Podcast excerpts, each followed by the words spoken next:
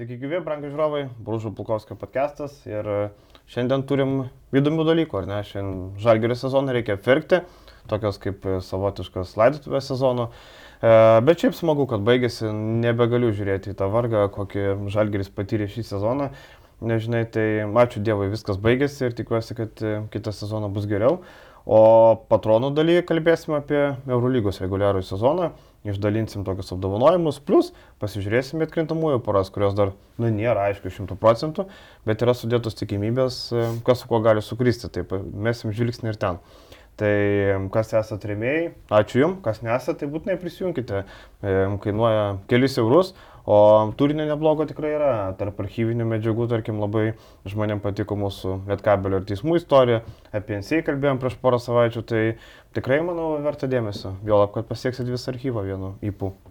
Aš manau, kad e, verta buvo pasižiūrėti vakar dienos rungtynės e, Kauno Žalgirio arenui. E, tikrai atsisveikinimas, na, paliko įspūdingą, tikrai paliko didžiulį įspūdį Paulius Jankūno tas išėjimas ir tai, kaip jis sužaidė tas paskutinės minutės, na, manau, kad tikrai, ne, prasme, tikrai atsiminsim šitą jo pasitraukimą iš didžiojo krepšinio. Ir tikrai tas pratesimas, kaip jis išsprendė tą pratesimą, tai buvo kažkas fantastiško. Tai nors rungtynės irgi tokios pakankamai dviejopos, sakykime, gera pradžia, kai Žalgeris tikrai išėjo labai gerai fiziškai pasiruošęs, matosi, kad žaidėjai norėjo sezoną pabaigti pergalingai ir galbūt tam pačiam Pauliui teikti pergalę, kad, sakykime, tas atsisveikinimas būtų aukšta nata pabaigtas.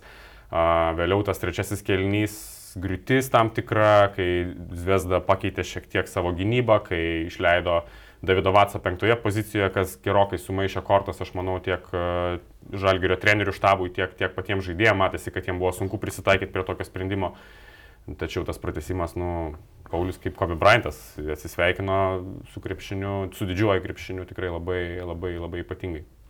E, Rimvidas Čekavičius turbūt trina rankomis, kuris kūrė filmą apie Jankūną, na, geresnio scenarijos paskutinio mačo nesugalvosi. Ja. Čia, žinai, man atrodo, kad ir koks talentingas režisierius yra Čekavičius, nebūtų sugalvojęs geriau negu dabar. Ir Taleriui Kevanau reikia atiduoti tą žvaigždę, ar ne, jis išgelbėjo eilinį Jankūną e, nuo pralaimėjimo, ar ne, tas tritaškis paskutinę sekundę išlaukė, šaltai Dažniausiai tokiais atvejais žalgiui nepasisekdavo, ne? jeigu tai pasižiūrėti istoriškai, be Marijos Grigonio praeito sezono dviejų ištrauktų mačų, dažniausiai žalgiui tie paskutiniai metimai būdavo tokie nuvilintis, ne, ne, nepasiekdavo tikslo. Buvo Atsimenam... gal Luko Lekavičių šį sezoną, man atrodo, kažkuris vienas mačas, kai jis ištraukė irgi. Kažkaip jo. panašiai. Galbūt nelemiamų metimų, aš dabar kažkaip tiksliai. Atsimenu, būdavo ir prie Šaro, ten, tarkim, reikėdavo tritaškio Milaknių išvedą nepataiko ir taip toliau, žinai. Bet e, vakar labai viskas gerai sukrito ir e, turbūt dvigubai smagiau yra dėl to, ką, ką serbai ten išdarinėjo, ar ne? Matėm, E, šiaip mane labai nustebino, kad jie su to vėliava nestovėjo vien dėl to, kad, tarkim, partizanas, ar ne, na gerai, pas save namie tebūnė, ne, bet partizanas, tarkim, e, kaip aš esu pasakojęs, kad pagalvojo pusvalandį ir priėmė sprendimą, kad stovės taip pat su tais lapais Top War, e, kurie buvo panežiai galėjo nestovėti su tais lapais, bet priėmė sprendimą. Tai labai keista, kad dvi vieno miesto komandos vienos šalies, bet labai skirtingai pasielgia. Ir čia turbūt eina nuo vadovo. Čovičius yra pasakęs, kad jam gaila, kad rusų komandų nėra, kad čia nėra išeitis išmesti, nubraukti rezultatus. Tai turbūt, kaip sakant, žuvis buvo nugalvos.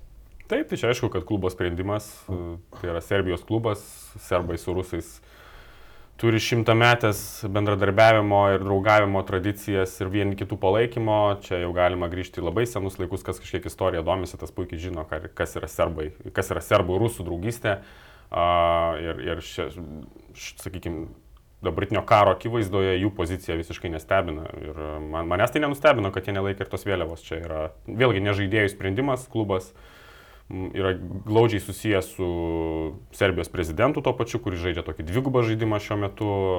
Ir tai tas vėliavos nelaikymas, akivaizdu, buvo būtent atspindys pozicijos visos šalies ir, ir, ir paties klubo. E, vienas Lietuvoje žaidęs serbas man vakar parašė, sako, kodėl skandavo Fox Serbija, taigi negražu čia, gal nedraugaus šalis, čia kažką, nusakau, gal nereikia taip, sakau, turbūt e, e nenutrauksim kažkokiu, nežinau, ten e, ekonominių ryšių, ten be kažkokių pardavimų vien dėl to, kad fanai paskandavo. Sakau, nu, bet sakau, nu, pats. Jeigu nedraugauja su serbais, nereikia draugauti, čia ta pati, ta pati, tie patys slavai su rusais, čia lygiai ta pati kompanija yra. Lygiai taip pat e, žmonės irgi lygiai taip pat, lygiai tokių pačių išplautų smegenų kaip rusai yra. Nuo pat mažumės jiem yra plaunamas smegenis apie blogosius vakarus, apie kaip NATO skerdė ten neva jų žmonės, šiaip savo atskrido ir, ir, ir apmėtė bombomis. Tai čia lygiai ta, tie patys išplautų smegenų, ta pati išplautų smegenų tauta ir čia nieko, na, nieko nepadarysi. Nors sako, va, e, čia taip ir buvo, čia, žinai, čia klubo pozicijas irgi apeliavo į Čovičių, sako, Čovičius šiaip yra žmogus, kuris e, na, labai jau prorusiškas, jisai ten yra pagarsėjęs dar kažkokiais pasakymais, kurių mes e, nežinom, nebuvo atėję iki mūsų. Žodžiu, sako, čia yra taip, bet sako, kiek aš pažįstu Cervienos Vesdas žaidėjų, tai maždaug e, dauguma jų pasisako prieš karą e, ir taip toliau, sako, bet čia klubo pozicija, taip toliau. Tai būtent Luka Mitrovičius įskyrė, kad tai yra žmogus, kuris yra netgi pats e, dalinį kažkiam tarnavęs ir taip toliau. Žodžiu, tai yra labai e, taip kariškai apsišvietęs žmogus. Labai stipriai indoktrinuotas žmogus. Jo, jo. Kas yra Serbija, kas yra Rusija, kaip reikia vertinti rusų, sakykime, kas yra vakarai, žinai, jų įsivaizdavimu. Aš manau, kad jis labai stipriai indoktrinuotas. Ir jo, buvo labai jokinga pasižiūrėti, žinai, Twitter'e jis ten parašė paustą. Uh, užtagino pagrindinius e, naujienų portalus Europoje, Eurohoops ir, ir, ir Sportando. Ir e, maždaug kaip čia supras, kodėl NATO vėliava iškelta Eurolygos rungtynėse Kaune, žinai. Ir Nors po to subėgo. Nėra draudžiamo vėliava. Nė, nėra draudžiamo, kitas dalykas, aišku, po to subėgo krūvas serbų ir jį ten palaikė, šaunuolis čia, žinai, už, už mus čia mes čia visi yra durniai, nesupranta, kad NATO čia yra blogiečiai, čia, žinai, vakarų samokslas ir visa kita. Nu, žodžiu, visą tą dainelę rusiškos propagandos jie ten gražiai padainavo kartu chorų ir, ir tom viskas ir pasibaigė. Tai, nu, sakau, visiškai nestebina šitie dalykai. Aš manau, kad uh, Cirvenas Vesda komandoje, tarkim, amerikiečiai, jie turbūt supranta, kas vyksta ir manau, kad jie tikrai nepalaiko ne tik karo, jie, manau, supranta, kad rusai yra okupantai realiai Ukrainoje. Mm, kai tuo tarpu serbai vis dėlto manau, kad yra visiškai kito požiūrio, didelė dalimi dėl to, nes jiems smegenys plaunamos yra nuo mažų dienų, nuo mokyklos laikų, istorija visa parašyta ta slaviška pusė, taip kad čia nenustebino. Ir vakar e, atvykę serbai būtų gavę spragilų, jeigu ne policija, sunkiai jie ten, šiaip drąsus vyrai, ten jų netiek daug, tu eini, kai arenoje yra virš 10 tūkstančių žmonių ir tu eini su kategoriškai priešinga pozicija, kuri nu, tikrai sukelia didelį pyktį. Tu jeigu jie ten būtų tiesiog Zvezda Žalgiris, niekas ten neįtų įmušti, bet kai jie ten yra su tokia labai kategoriška pozicija, buvo nepatenkinti čia, kad skanduoja, ten bet labai gerai, kad. Labai gerai, kad kauniečiai, kurie atėjo į areną, parodė, kas yra kas. Aš labai džiugiuosi, labai man patiko tas momentas, kad paskandavo kaip reikia, parodė tiem asmenim irgi, kurie atvažiavo, žodžiu, kad mes čia nesuprantam šitų dalykų, kiek, apie ką jie kaip jie vertina pasaulį, kad mes visiškai kitaip į tai žiūrim ir kad jie absoliučiai nesupranta situacijos. Tai žodžiu, jiem buvo viskas labai gražiai paaiškinta. Man labai įdomu, ar jie dar po to vakare kažką veikia Kauno senamestį arba Laisvės alėje, ar dar pabandė, ar buvo pakankamai drąsus, kad ten išeitų kažką paveikti. Žinai. Aš čia nebijoju, kad jie ten kažką veikia, mes jų veidų nematėm ir net pažinsi, žinai, jeigu ten be Servien arba plus, na, kiek žmonių sutiksi sekmanį vakare, naktį kokiam, žinai, bare, kurie buvo arenai, nu, žinai. E, bet šiaip jos su policijos palyda išlydėjo iš arenos, tai e, nebuvo kažkokių rimtesnių incidentų. Nors broliai Matsi, manau, kažkur kamputį būtų laukę, žinai. Deja, nors nedėja, ačiū Dievui, jau nebeįleidžia areną, tai ačiū Dievui bent, bent jau tiek, žinai, prisiminus senas istorijas. Um, gerai, apie, apie, apie tuos dalykus taip, bet apie Jankūną, Algi, kokį to prisiminimą iš Eurolygos kovų paliks Jankūnas? Ir matom, vakar labai simboliškai, netgi 13 taškų įmetė, labai simboliškai. Ir labai simboliškai pratesimo metu pademonstravo viską, kas yra, kuo jisai stebino ir kuo jisai išsiskyrė Eurolygoje kaip žaidėjas. Ir apskritai Europoje tokio kito Jankūną, manau, nerastume. Pirmos dvi situacijos žaidimas nugarai krepšį, antroje situacijoje išprovokuota pražanga užmetus truputį kūną, paprovokavus. Davido Vacas eina iš proto, keikėsi, nervuojasi, sėda su penkta pražanga ant suolo, vėliau, uh, vėliau fake handoffas, irgi čia yra jau tas, uh, ta vizitinė kortelė, Jankūno žaidimas handoffo ir feikina ir tada bando verštis, taip irgi provokuodamas pražangą, irgi prigavo šituo dalyku ir galiausiai pick and popas bei tritaškis. Atsiminkim, kad e, su Kevinu Pangusu Jankūno Pikempopas buvo labai svarbi žalgerio puolimo grandis ir labai didelė dalimi prisidėjo prie tų, tų sėkmingų sezonų, prie tų gerų rezultatų, kai buvo Jasikevičius vyriausiųjų trenerių. Tai ten buvo ne, vidutinio nuotolio metimas, kuo anksčiau Jankūnas pasižymėdavo, bet e, pataikė tritaškį ir labai tiko atakuojant e, Zvezdos Ais gynybą, nes jisai atšokdavo, du žaidėjai ant mažiuko, mažiukas numeta kamuolį Jankūnui, jisai meta. Tai vakaris pataikė tritaškius ir labai gerai pataikė ir, ir, ir buvo didelė priežastis tikrai to žalgerio sugrįžimo, atsistojimo, po to psichologinio kažkokio, sakyčiau, smūgio trečiajame kilnyje ir galiausiai pergalės pratesime. E, man labai, e, Jankūnas, e, man gaila, kad Jankūnas daugiau savo karjerą Eurolygoje nepasiekė. Man atrodo, jis verta šiek tiek daugiau. Gerai, kad Žalgris bent tą vieną žygį finalinį ketvirtą turėjo, nes jeigu Jankūnas niekartą nebūtų sužaidęs finaliniam ketvirtą, būtų buvę labai gaila. Tiek sezono pražaidos, realiai visos legendos, pasižiūrėkim, Rėjas, Diamantydžiai, Markusai Braunai ir taip toliau, jie yra daugybę kartų žaidė finaliniam ketvirtą, yra laimėję titulą, yra nuskinę. Jankūnas, va tas va žmogus, kur irgi daug padarė, daug pasiekė, bet, bet nu, gerai, kad bent vienas įkeičiau. Reikia dėkoti Jankūnui, Jankūnui Jasikevičiui ir, ir visai tai kapelai, kuri buvo kartu. Aš vakar gal pasigėdau, kad į startinį penketą leistų simboliškai, nežinau, e, dabar vat, pasižiūrėjau, kiek kartų Jankūnas yra startinį penketą žaidęs, aišku, dar gerokai jis yra ir taip daugiausiai kartų startinį penketą sužaidęs, 283 mačius pradėjo e, iš viso per savo karjerą startinį penketą, e, nu, galėjo dar vieną pridėti, ar ne, Printezis atsilieka 237, turbūt Printezis nebepasivys, e, artimiausias čia Kostas Papanikolavo 232. Dar Kostas gali pasivyti, jis dar Kostui 30 metų, tai dar tikrai žais ne vieną sezoną. Ja. Šiaip dėl to startinio penkito, nežinau, man atrodo, kad Zdovcas e, parodė jam didelę tokį, na, tokį, tai buvo gražus gestas, e, pratesimą leisti nulemti Jankūnui. Pirmos dvi atakos buvo žaidžiami deriniai grinai per Jankūną. Atakavimas Davido Vatso nugarai krepšį. Iki tol rungtynėse per Jankūną nebuvo žaidžiama specialiai iš vis. Ten buvo gal keletą situacijų, kai buvo bandoma jo ieškotais pikiam popais, bet ten dažnai tose derinėse yra kitos išeitis. Jis vieną kartą pabandė išsimesti, po to ten kamolį nus, nusuko, sakykime, atakos kryptį į kitą pusę ir tada žaidė ten kitą pick and roll, žodžiu. Taip specialiai pastatyti lemiamas minutės ant Jankūno, na, manau, kad yra puikiausias atsidėkojimas. Nežinau, kiek tai buvo paties Zdovco idėja, jisai pas porungtinių sakė, kad e, idėja gražinti Jankūną į aikštelę ketvirtajame kilnyje buvo Tautido Sabonio. Vienaip ar kitaip Zdovcas tą sprendimą priėmė, pasinaudojo to patarimu ir, ir, ir manau, kad Jankūno žaidimas tomis lemiamus minutėmis negali būti, ta prasme, tai, tai yra geriausia padėka įmanoma pačiam žaidėjui ir geriausias toks, na, tokio, toks, sakykime, momentas tikrai šiose rungtynėse. Apie visą karjerą Jankūno dar pakalbėsim, nes dar jisai nebaigė žaisti, dar laukia LKL kovas, tai tada tikrai bus proga pakalbėti apie Eurolygų, tai e, kaip ir viskas labai aišku.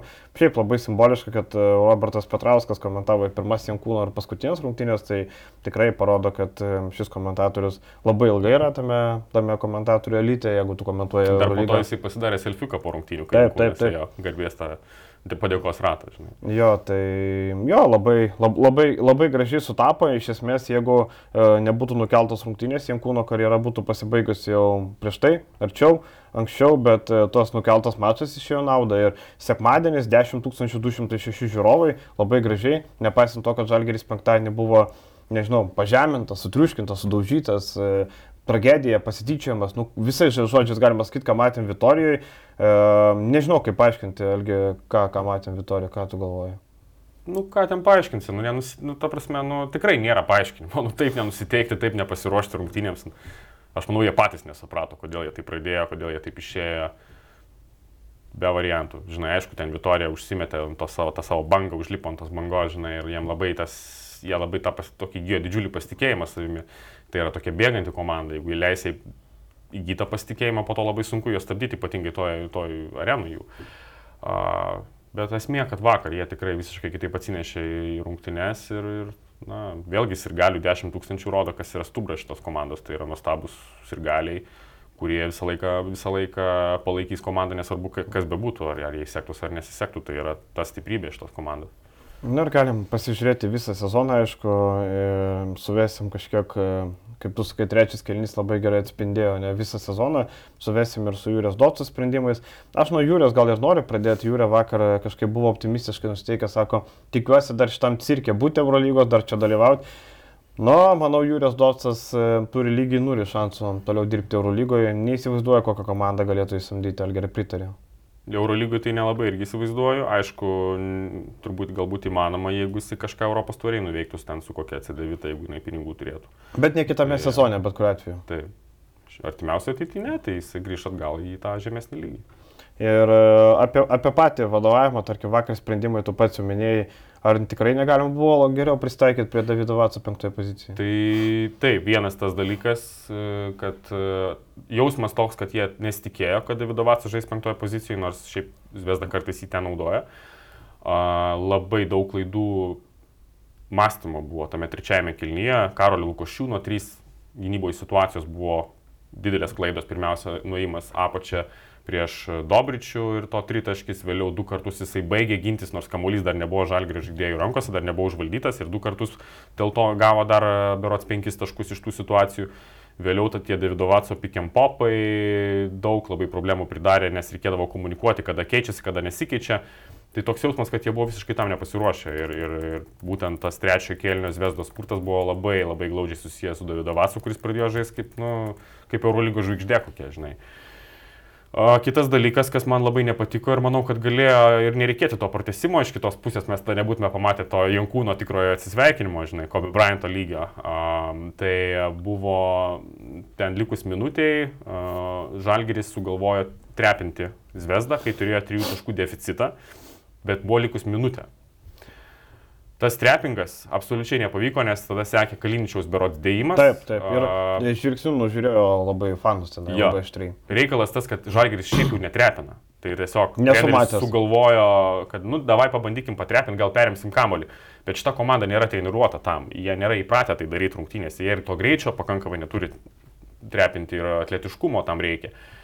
Iš to gavosi minus, iš minus 3 gavosi minus 5 ir rezultate tai iš esmės buvo keičiantis skirtumas, jeigu būtų tuos du taškelius Žalgris išlaikęs, tarp būtų apsigynęs toje atakoje, būtų pergalė be pratesimo. Tai čia tie keli momentai tokie irgi, kur treneris, na, ne, vėlgi, pratesimo pradžia, ne, tai irgi apie, apie tą patį kalbėjo Ulanovas spaudos konferencijai. Jis nustebo, kodėl nebuvo Džošo Nybo kovojant dėl ginčio kamulio. Mm -hmm. Nes pamiršo jį išleisti. Taip, pamiršo pakeisti, taip, taip. bandė pakeisti, jau buvo per vėlų. Buvo per vėlų. Tokie, tokie, vat, tokios detalės rodo šiokia tokia vis tiek nekompetencija trenerio, kažkiek nesusigaudimas situacijose, kažkiek uh, A, tiesiog racionalumo trūkumą, nu, ten dėl to trepingo tai mane labai suerzina, mm. kam to reikia, žinai, minutė liko, trys taškai, susiginkit, viskas tvarkoja, žinai, dar čia nepralaimėtos rungtynės. Jo, ir apie jūrę e, nesistebiu, kodėl žmonės, kai paskyrė, sakau, keli žmonės iš Prancūzijos kolegos klausė, ko, iš kur jį iškasė, kam jį paėmė, kam jis reikalingas, kodėl jis dirba. Tai, na, nesistebiu, žodžiu, žmonės nėra kvaili. Turbūt jeigu, nežinau, koks tos prancūzijos klubas, tarkim, Asvelis pasamdytų virtrenerių, nežinau, Rimantą Grygą, aš irgi sakyčiau, klausykite, kodėl jūs paėmėte Rimantą Grygą? Arba ten, nežinau, kokį nors e, dar Židrūną Urbaną paimtų, ne, tarkim, e, palyginimui. Sakyčiau, kodėl Židrūną Urbaną įmat, už kokius nuopelnus, ar jisai gali Eurolygui, tai lygiai taip pat Jūrės Dovcas. Dovco to paskirimo, ta prasme, to, tos rokiruotės Šilerio į Zdovcą. Mm Vėlgi, šitas sprendimas nebuvo blogas, pripažinkim. Manau, kad galiausiai Žalgeris vis tiek tapo geresnė komanda su Zdovcu, jisai šiek tiek ją prikėlė, buvo tokių neblogų atkarpų. Edgaras Ulanovas prie Zdovco atsigavo ir buvo naudojamas tinkamai. Ir iš tikrųjų Zdovco, sakykime, tai kaip Zdovcas atgaivino Edgarą Ulanovą, aš manau, kad buvo, man buvo įdomu. Uh, ypatingai paskutiniai sezono stadijoje, matant, kad Edgaras yra labai neefektyvus žaidime nugarai krepšį prieš savo pozicijos žaidėjus, jam sunku tiesiog užsibaigti, jis neturi pakankamai dydžio. Zdovcas nusprendė, kad reikia žaisti pick and rollus pirma, pirma pozicija su trečia pozicija tam, kad susikeistų ginamaisiais ir tada Ulanovas žaistų nugarai krepšį prieš mažiukus, prieš pirmos, antros pozicijos žaidėjus ir iš to tada galima kurti žaidimą, kažkas turi dvigubinti, jis tada labai gerai mato aikštelę, gali numesti kamolį, tiek pas užsibaigti, tai aš manau, kad šitas sprendimas man labai patiko, kaip Edgaras, kaip Edgaro, kaip Edgaras buvo tinkamai naudojamas ten, kur turi būti naudojamas, tai yra žaidime nugarai krepšį, kuris yra neefektyvus dažnai. ir sugalvok, kaip šitą problemą išspręsti, tai žaisti vienas trys pick and rollus, taip sukuriant, taip pastatant Edgarui žymiai patogesnius uh, oponentus. O, o, o pats sprendimas, vėlgi ir ta visa priešistorė iki sprendimo ir tie aiškinimai po to jau po sprendimo, kai Zdovcas buvo pasirašytas, kad tai yra treneris, kuris yra griežtos rankos, rodo tik Tik dar, tai yra tik dar vienas žalgerio vadovybės nekompetencijos ženklas. Tai tik dar viena priežastis, kodėl uh, ten tikrai trūksta protų, tikrai trūksta patirties, e, nes, na, man užteko parašyti, kad keliams žmonėms man jie sakė, kad Stopsas tikrai nėra griežtas treneris, atvirkščiai, jis dažnai net labai minkštas, bent jau pastaruoju metu buvo. Tai jeigu to negali išsiaiškinti Žalgirio ofisas, kuris, tai, kuris daro tokius sprendimus, na, yra keista, šiaip tai čia tikrai nėra sudėtinga tai išsiaiškinti.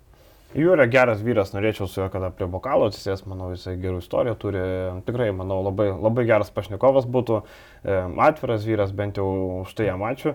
Na ir Jūriai lieka paskutinį užduotis, žalgerį nuvairuoti LKL čempionų titulą, kas, e, na, kas neturėtų būti labai sudėtinga, jeigu nebus kažkokių traumų gynėjų grandy, jeigu Lukas bus sveikas, Janis, gal Mantas grįž. Nu, su ta visa kapela turėtų nuvažiuoti. Tikrai laimės, aš manau, tai LKL, čia nėra klausimų, susitvarkys fiziškai išsigydys traumas, visai kitokių nusiteikimų žaisti tais e, atkrintamasias ir ten tikrai manau, kad e, turėtų užtikrintai laimėti. E, žiūrint į visą žalgerio sezoną, aš vis dar negaliu paaiškinti vienos pergalės prieš Barceloną. Aš, pavyzdžiui, visas pergalės perbėgau ir taip pasižiūrėjau, kokiu, kokios priežastys, kas kaip, kas kur, kur kada. E, pamačiau tendenciją, kad Žalgeris nugali komandos, kurios turi labai blogas atkarpas. E, nieko nuostabaus, turbūt kiekviena komanda gali rasti, kodėl laimėjo prieš vieną ar kitą, prieš blogas atkarpas. Bet kodėl buvo laimėta prieš Barsą, man čia yra vienintelis va, tas kovo 11, labai simboliškai pergalė prieš Barsą. Vienintelė pergalė, kurios negaliu paaiškinti. Ir e, čia turbūt geriausia pergalė, nežinau, daugiau, e, ar turi geresnę? Ne, tai jo, su Barcelona tikrai ryškiausias momentas buvo tikrai ryškiausia pergalė. Realų, su Realu irgi buvo gražios rungtynės ir pergalė, tai Bet, man patiko. Aišku, kodėl? Jo, man patiko. Šiaip sutapimas. Sakau, šitos, tik... dvi, šitos dvi pergalės tikrai man labiausiai strigo. Ir kaip tik vasario 24, kai rusų invazija į Ukrainą prasidėjo, irgi simboliška kaip tik data. E, daugiau ten pergalės prieš Pantnaikos išvykoje, Pantnaikosas e, labai blogai atkarpai buvo, vieni kitus kaltino. Prieš Monaką pergalė tokia, kur e, Monakas e, gerai, Monakui gerai, kad pateko atkrintamasis, jeigu normaliam sąlygom būtų grafžiasis alkūnės, nes tas taškas galėjo būti žiauriai svarbus. Ar neatsimenam e, laimėjimai namie prieš Fenerbakčią, kuri buvo irgi pakrikus ir liko iki šiol. Niekas nepasikeitė su Fenerbakčia. Tos aštuonios pergalytės, e, Žalgeris dar gali nelikti paskutinis. E, aštuonios pergalės, Pantnaikasas irgi turi aštuonias pergalės, jiem dar liko du mačai, jie dar gali turėti lygį, jie prieš Albą žaidžia išvykoje ir išvykoje prieš Fenerbakčią.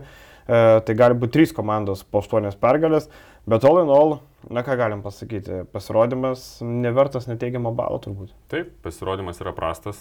Čia šita pergalė gražus atsisveikinimas su sezonu ir paties Paulius atsisveikinimas, bet bet kokiu atveju tai yra, tai yra na, bendrai paėmus, tai yra prastas sezonas, tai yra labai prastas sezonas.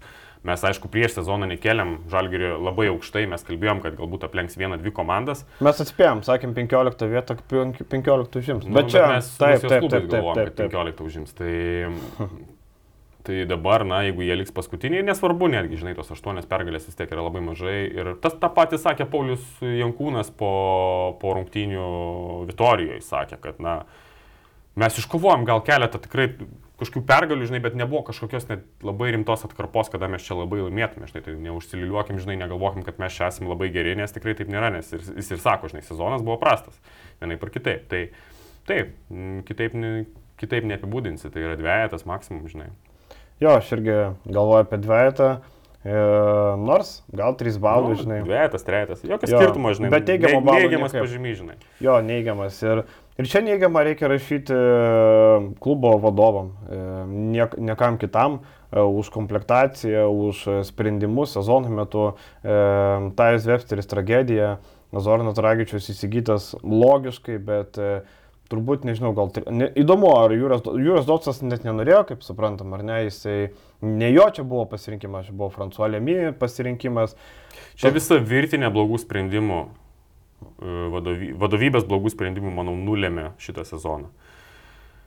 Aš pradėčiau galbūt netgi nuo to paties kalniečio susigražinimo, su visa pagarba jam. Aš manau, kad uh, atlyginimas, kurį jis gauna žalgyryje, yra toks, kad už, už kurį tikrai buvo galima įsigyti žymiai tinkamesnį žaidėją šitai komandai. Aš manau, kad atletiškesnis gynėjas, kuris galėtų pasiūlyti geresnės perimetro gynybos, būtų žymiai labiau tikęs negu kad kalnėtis.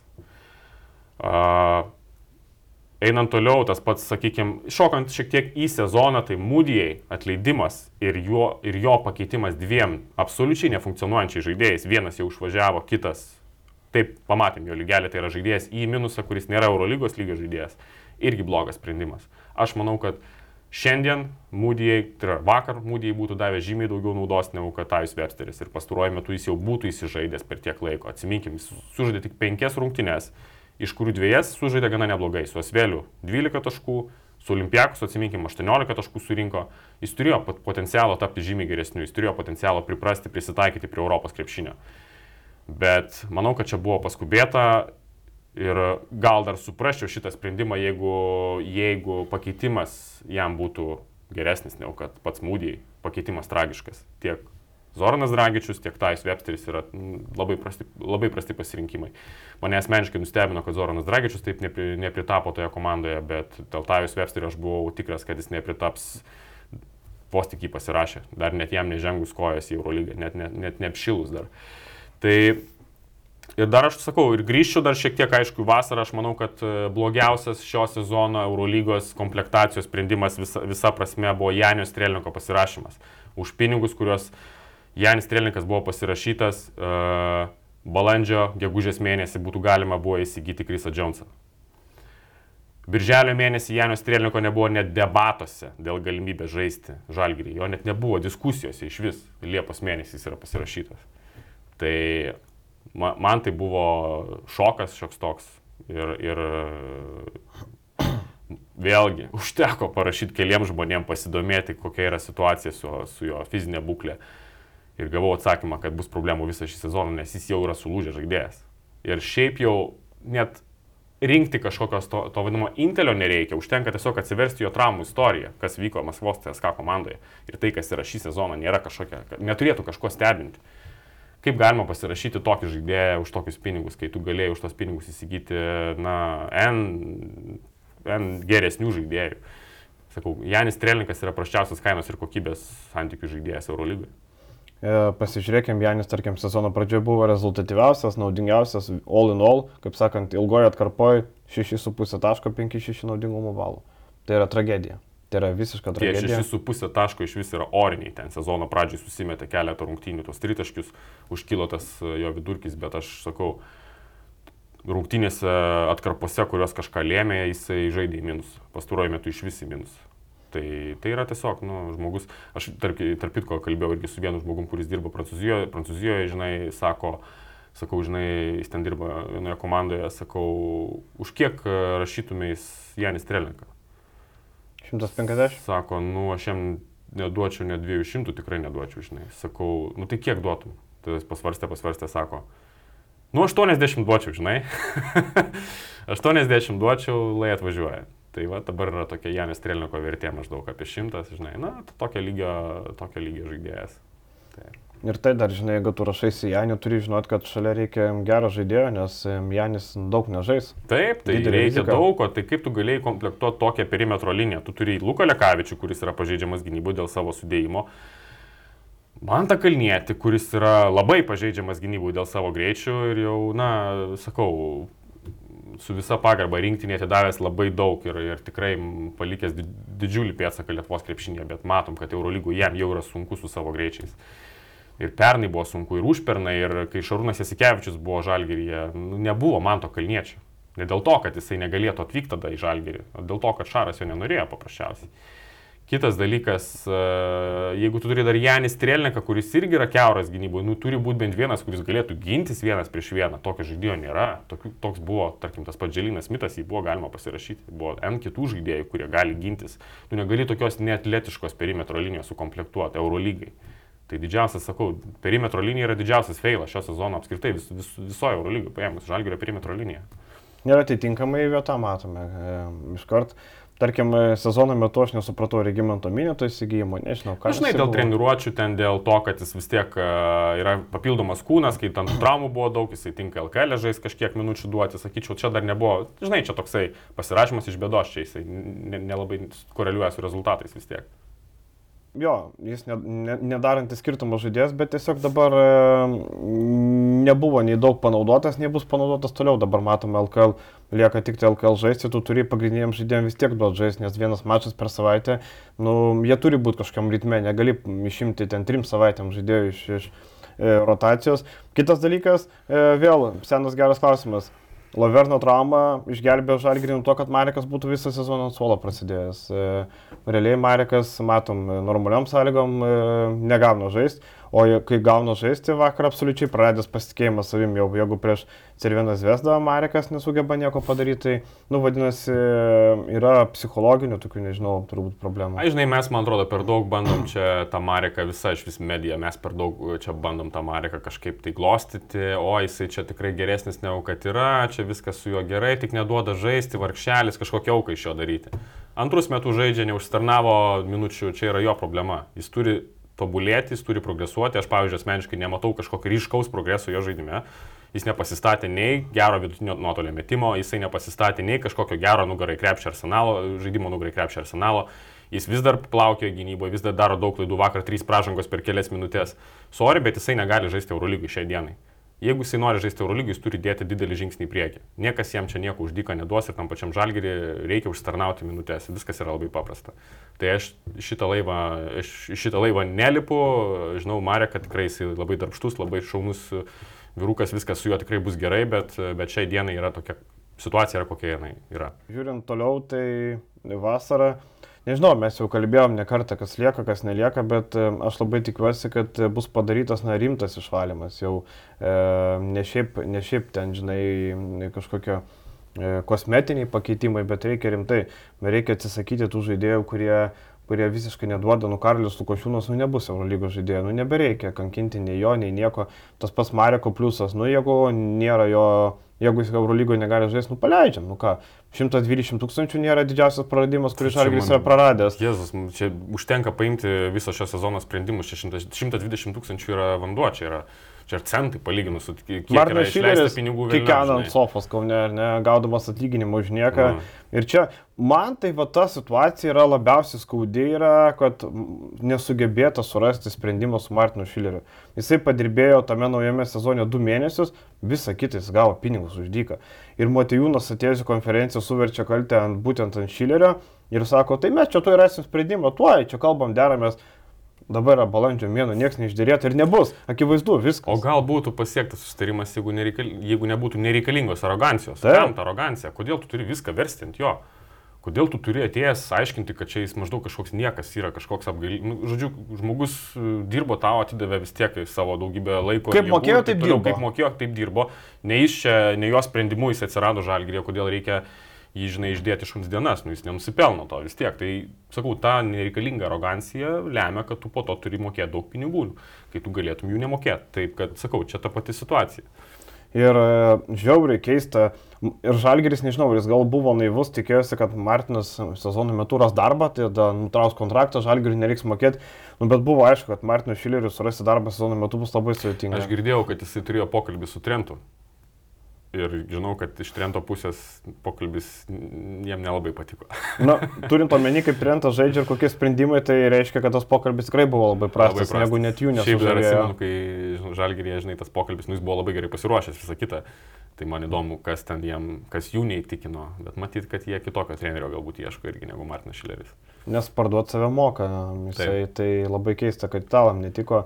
Tai va, sakau, iš tos finansinės pusės, tai man, man tie dalykai žiauriai keisti ir Ir, ir, ir, ir pas, pasižiūrėsim, kas bus toliau, pažiūrėsim, kada Žalgiris pradės savo komplektaciją, kada pradės lysti pirmosios pavardės, e, bent jau užsieniečių, ar ne. Kaip mes ir kalbėjom, kad e, Žalgiris jau būdomėsis visais Eurolygos žaidėjais, kurie yra prieinami. Mhm, ja. Šiaip tų sprendimų reikės priimti tam tikrų, vėlgi reikia priimti sprendimą Vėlgi dėl to paties Milaknio, taip jisai turi kontraktą dar kitiem metam. Bet ką rinktis, Karolį Lukošiūną ar Arturą Milaknį? Aš manau, kad šitoje vietoje reikia pasirinkti vieną iš jų.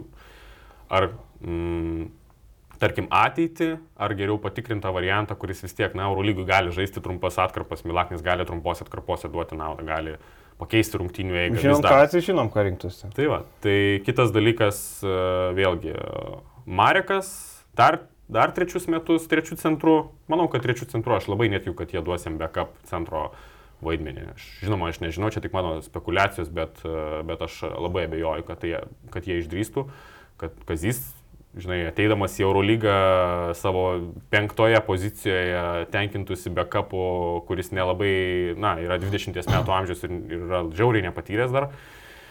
A, tai manau, kad vėlgi jam nusimato trečio centro vaidmuo ir tada klausimas, kiek Marekas nori trečius metus beveik nežaisti. Ir Žalgiriui vėlgi gal geriau yra susigražinti Lauriną Birutį kuris, tarkim, tam tikrom atkarpom, aš manau, labiau tiktų negu kad Marekas. Ir Kazijui patinka Birutis? Taip, jisai su juo dirba rinkinį ir moka jį išnaudoti. Ir sakau, Birutis turi tą pliusą, savo dydžio pliusą. Yra, žinome, Eurolygoje pasitaiko tokių milžinų, ilgarankių, visokių Beveik visos komandos ar, turi bent vieną. Taip, tavarė šorfalų, žinai, prieš kuriuos Birutis geriau sustovėtų nei Marekas ar tik Repšio, vis tiek vien iš savo domenų. Taip. Tai čia irgi reikės priimti sprendimą, žinai, aš manau. Toliau, uh, toliau vėlgi dėl Ulanovo ką daryti, žinai. Uh, Ulanovas, aišku, jo ta tas, ta metamorfozė žaidėjo, kuris absoliučiai nefunkcionuojantis ir vienas neefektyviausių žaidėjų Eurolygoje į, į lyderį, į lyderį visom prasmėm, ir taškais, ir naudingumo balais, ir, ir, ir emocinė, kaip, kaip emocinį lyderį, kaip žmogų, kuris aikštelį gali sustatyti visus į vietas, tiek gynybų, tiek polime, matom, jis labai komunikuoja, yra toks tikras lyderis, žinai. Um, čia irgi reikia priimti sprendimą, jeigu jis norės daugiau, ar verta mokėti daugiau, Manau, kad už tos pačius pinigus, kokius jis dabar uždirba, tai kokie ten 450-500, aš manau, kad jis vertas likti žalgėje, jį reikėtų pasilikti. Ir tų sprendimų daugėja, vėlgi, tai ką daryti dėl Luverno, žinai, jo atlyginimas irgi panašus yra, galbūt geriau yra pasimti pigesnį centrą ir tada daugiau investuoti į perimetro liniją. Džošas Nybo gali išvykti, irgi nėra garantijos, jis turi pliusą, bet vėlgi, žinau, kad jo tikrai domisi kelios Eurolygos komandos. Tai jo gali žalgerį ir nelikti, šiaip kalbama, kad realiau, kad jo neliks, negu kad liks žalgeryje. Algi, kaip tik girdėjau, kad e, viena Lietuvoje aktyviai veikianti agentūra, Kaleba Tarčevskė, labai aktyviai siūlo komandom ir žalgeris, žalgeris irgi sulaukė laiško, e, kad Kalebas Tarčevskis siūlomas e, jo paslaugos, nes Milanas atsisakys. Kaip tu galvoji už kokius 350? Drąsiai, imčiau vietoj Lauverno imčiau Kalebą Tarčevskį už kokius 350-400 tam, kad atmeščiau daugiau pinigų į perimetro liniją kurioje reikės trijų žaidėjų, vienaip ar kitaip. Reikės įžaidėjo ir reikės dviejų atakuojančių gynėjų. Galbūt vieną atakuojantį gynėją, vėlgi, aš manau, kad jie gali bandyti pritraukti Tomą Dimšą tą poziciją be kapo, bet aš manau, kad tai būtų klaida. Manau, kad jiems reikia. Bet jis turi kontraktą ir gal gaus to kažkokį vaidmenį paskutinį kartą. Nežinau, nežinau. Aš manau, kad reikia geresnio žaidėjo. Aišku, žinai, jeigu tu turi Luką Lekavičių be kapo pirmo, tu gali tarsi Dimšą turėti be kapo antro ir tada turėti du stipresnius gynėjus. Žaidėjas turi būti geras, mes vėliau nueisim prie Eurolygos dalykų ir pakalbėsim šiek tiek apie būsimą žaidėjų rinką, kuri yra labai plati, kuri bus labai plati artėjančią vasarą. Ir tada klausimas, kiek tu turi, kaip tu paskirstysi tuos ribotus išteklius, dar reikia ir atakuojančių gynėjų. Ir dar vienas klausimas labai svarbus, ar man tas kalnėtis dar gali žaisti krepšinį. Matom, reabilitacija vyksta pačiurnos ir labai gerai, kad e, Mantas e, pasidarė tą operaciją, labai aišku. Žalgiriui geriau negu jis būtų operavęsis vasarą, būtų tekę laukti, nebūtų aišku. Dabar jisai prasioperavo, padarys reabilitaciją, grįž, pradės žaisti ir matys, gali arba negali. Jeigu negali, kontraktą paliks ir Žalgiriui bus gerai. Žalgeris turės. E, penktas gynėjas, kaip penktas gynėjas dar įsivaizduočiau, bet tik ne backupas, kaip jo. buvo šį sezoną. Manau, kad backupui jis nebepajėgus padėti Eurolygui daug. Tai va, tai, bet šiaip e, aš tai norėčiau, kad man tas žaistų, Žalgeriui reikia naujo kapitono. Taip. Žinai, plus Žalgiriui reikia to tokio, e, kaip ir veido, to žmogaus, kuris būtų atstovas spaudai komandai, ateitų visą hmm. konferenciją, e, pakalbėtų, žinai, arba po pralaimėjimo nebijotų kalbėti mantas, tuo ir pasižymė, bent jau rinktiniai būdavo. Tai aš norėčiau, kad mantas dar sužaistų, jisai vertas gražaus atsisveikinimo, ne tokio, kad ten toks, žinai, tas sezonas toks nelabai. Jo, jo, būtų, būtų gražu, jeigu jis atsisveikintų tikrai na, sakykime, panašiai kaip Paulius Jankūnas, paskutinėse rungtynėse jas iš esmės pakeistų ir nulemtų. Bet e, atiduoti jam do, didelį vaidmenį, na, manau, kad būtų klaida. Ir e, jeigu pasižiūrėsim, kas išvyks į Žalgirį, tai nėra tiek jau daug žaidėjų. Taip, tikrai taip. išvyks. Tais Websteris, uh, Strelnikas, Gifajus. Tai yra, manau, kad trys garantuoti. Lukašiūnas arba Milaknis, nuskaičiuojam Lukašiūną, manau Milaknis su Kalniečiu kita, kitais metais tokiu pat metu susikibę rankom atsveikins Euro lygą. Mano Taip. toks tolimas šūvis būtų. Taip, taip, Milaknis, Milaknis, manau, kad tikrai liks, jis dar turi metus galiojantį kontraktą. Čia, žinai, mes kalbėjom, kad reikėtų Mhm. priimti sprendimą, bet manau, Bet jis pats siūlosi. Sprendimas pats siūlosi, taip. E, Minėtos, nežinau kam reikalingas, nežinau, nebent trūktų lietuvių. Jo, dėl penkto, šešto didelio žmogaus galbūt verta pasilikti, jeigu tau tiesiog reikia lietuvių, reikia dėl skaičių, žinai. Tai. Jankūno nebelieka, akivaizdu. E, Kevino turi kontraktą ir kalbėjom, kad tai yra vienintelis šviesulys iš legionierių, kuris vertas Taip. likti. Nu, aš, mano akim, du šviesuliai. Ne, tai Nybo net nėra ką yra kalbėt, tikrai taip. Jisai pateisino, bet e, Kevino buvo tas, kur mes pradžioje labai peikėm, dabar Taip. visai kitaip žiūrim jį, ar ne? Gifajus, ačiū. Važiuojam į Albą, nežinau, Alba, žinau, gali, ne, ne, nebūtinai Ulmas, Alba ims. Jo, Ulmas, kit- Ulmas. Jo, Ulmas, va, Oldenburgas, va, tokie, tokios komandos. Jo, va ten gali važiuoti. Ulanovas, e, tegu tebūnė lieka, ar ne? E, Marekas turbūt teks palikti e, šitą komandą. Kaip ir tu sakei, vietų Laverno, pavyzdžiui, Kalebas Tarčevskis.